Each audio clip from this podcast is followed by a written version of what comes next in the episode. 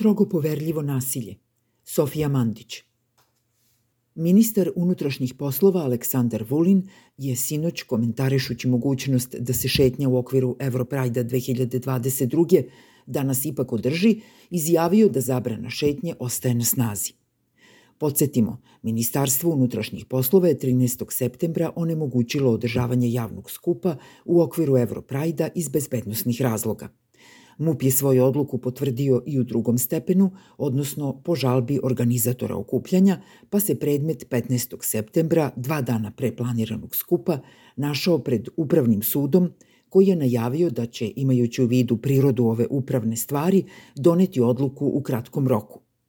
Upravni sud je jutros doneo odluku da tužbu organizatora odbija kao neosnovanu. Imajući u vidu da odluka o održavanju javnog okupljanja u okviru Evroprajda sinoć nije bila u rukama MUPA, već Upravnog suda, ministar unutrašnjih poslova je izvršio direktan pritisak na sud. To je omiljeni sport svih članova vlade u kojem utakmicu uglavnom gubi sud. Tako je bilo i ovoga puta.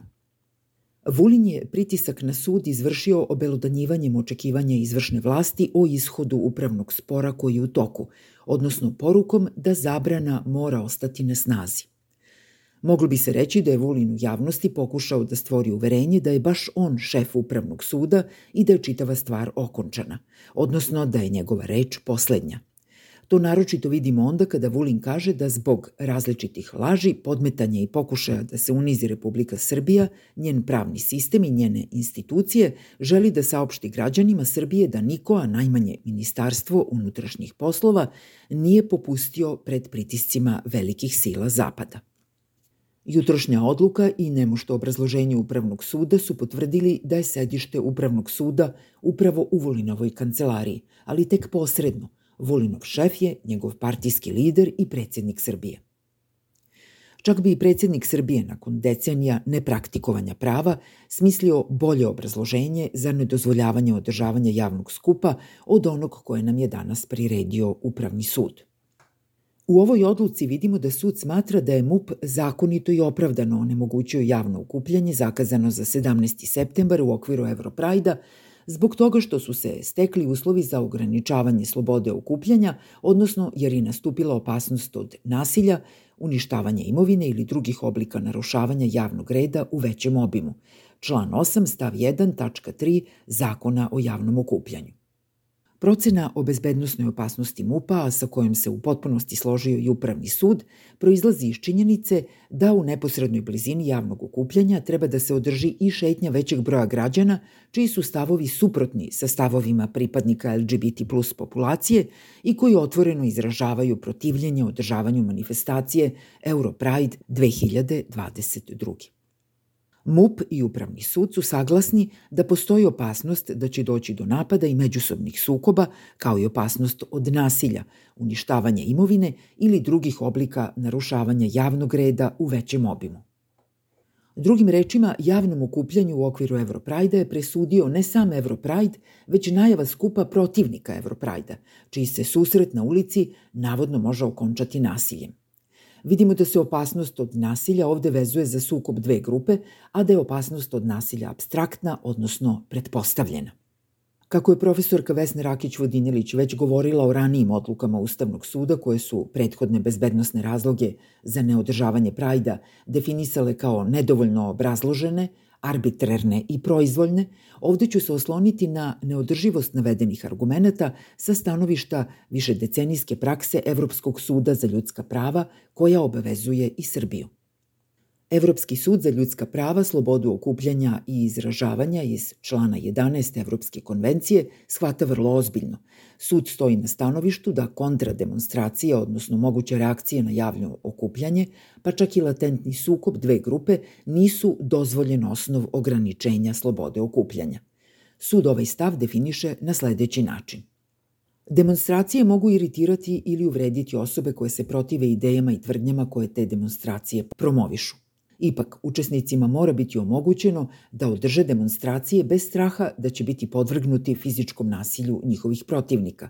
Takav strah bi mogao da odvrati udruženje ili druge grupe koje podržavaju zajedničke ideje da otvoreno izraze svoje mišljenje o veoma kontroverznim pitanjima koja utiču na zajednicu. U demokratiji pravo na kontrademonstracije se ne može proširiti na sprečavanje ostvarivanja prava na demonstracije. Dakle, kontrademonstranti imaju pravo da se protive demonstrantima sve dok su mirni.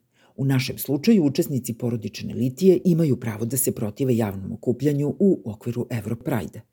Međutim, ovo protivljenje, pa čak i kada uključuje pretnju fizičkim nasiljem, nije dovoljno za ograničavanje slobode onog ko ima nameru da se mirno okupi. Država ima pozitivnu obavezu da demonstrantima obezbedi sigurnost i da spreči nasilje. Zakon o javnom okupljanju je kao i ustav izričit da su mirna okupljanja slobodna. Okupljanja sa elementima nasilja i ugrožavanja prava i bezbednosti drugih nisu dozvoljena. Međutim, definicija mirnog okupljanja se procenjuje u odnosu na konkretan skup, u našem slučaju Europride, a ne u odnosu na nasilje koje može biti upereno kao ovom skupu. Evropski sud je i ovde vrlo jasan. Mirno okupljanje je svako okupljanje u kome organizatori i učesnici nemaju nasilne namere. Zbog toga se pravo na mirnu slobodu okupljanja primenjuje na sve skupove, izuzev onih gde organizatori imaju nasilne namere kojima podstiču nasilje ili na drugi način odbacuju temelje demokratskog društva. Da li su organizatori Evroprajda i porodičnih litija imali namere da se okupe mirno ili nasilno, MUP i sud su morali da odlučuju odvojeno, a ne u paketu. Ovo su morali da urade u odnosu na konkretne činjenice, a ne u odnosu na neobrazložene pretpostavke. Samo ova dva navedena stava, a ima ih mnogo u praksi Evropskog suda, nam govore da mogući sukob dve grupe nije dovoljan razlog za zabranu mirnog skupa, te da se definicija mirnog skupa pre njegovog održavanja mora procenjivati kroz namere organizatora i učesnika – Za sve ovo ne haje MUP Srbije, ani Upravni sud. Oni ne sude po Ustavu, zakonu i Evropskoj konvenciji, oni sude po komandi koja je čak i javno izdata sinoć. Da li su organizatori i učesnici Evroprajda 2022. godine u bilo kom trenutku MUP-u dali povode i dokaze da tvrdi da su njihove namere i ciljevi nasilni? Očigledno je da nisu. MUP i sud u ovo pitanje nisu ulazili iako su bili u obavezi. Teret dokazivanja nasilnih namera je na vlastima, kaže Evropski sud. Drugim rečima, organizatori Evroprajda nisu dužni da kontinuirano dokazuju da nemaju nasilne namere, što su bili prinuđeni da rade mesecima unazad. Ovu javno nametnutu obavezu nisu imali organizatori porodičnih litija. Kada su u pitanju osnovi zbog kojih Upravni sud tvrdi da će doći do sukoba dve javno okupljene grupe, mora se priznati da su sudije ovde naročito zablistale u svom poltronstvu prema izvršnoj vlasti. Ovo su učinile tvrdnjom da su podaci o mogućem nasilju označeni oznakom strogo poverljivo, te da je sud imao uvid u te podatke. Javnost to pravo uvida nema.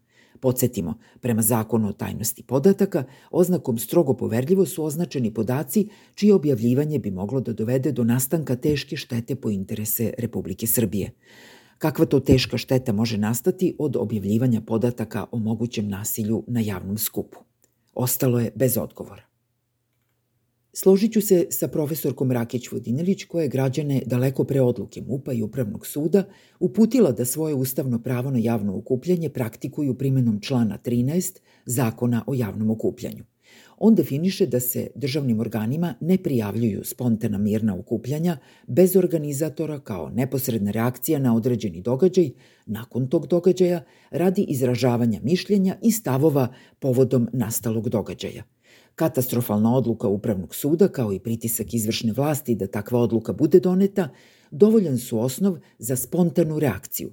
Policija će u ovom slučaju, htela to ili ne, biti prinuđena da održava javni red i mir. Na kraju, ali ne i najmanje važno, sloboda okupljanja je neodvojiva od slobode govora. Umesto da su svojim građanima obezbedile obe ove slobode, vlasti u Srbiji čine ono za što su se profesionalizovale u poslednjih 10 godina. Pojedinci su na ovom zadatku već 30 godina. Vezuju nam ruke i noge, zabranjuju kretanje i okupljanje. Usta pune kamenjem da bi ih zatim dobro zapečatili lepljivom trakom. To nije dostojanstven život i nije život na koji građani Srbije treba da pristanu, bilo da su sa ove ili one strane Europride okupljanja.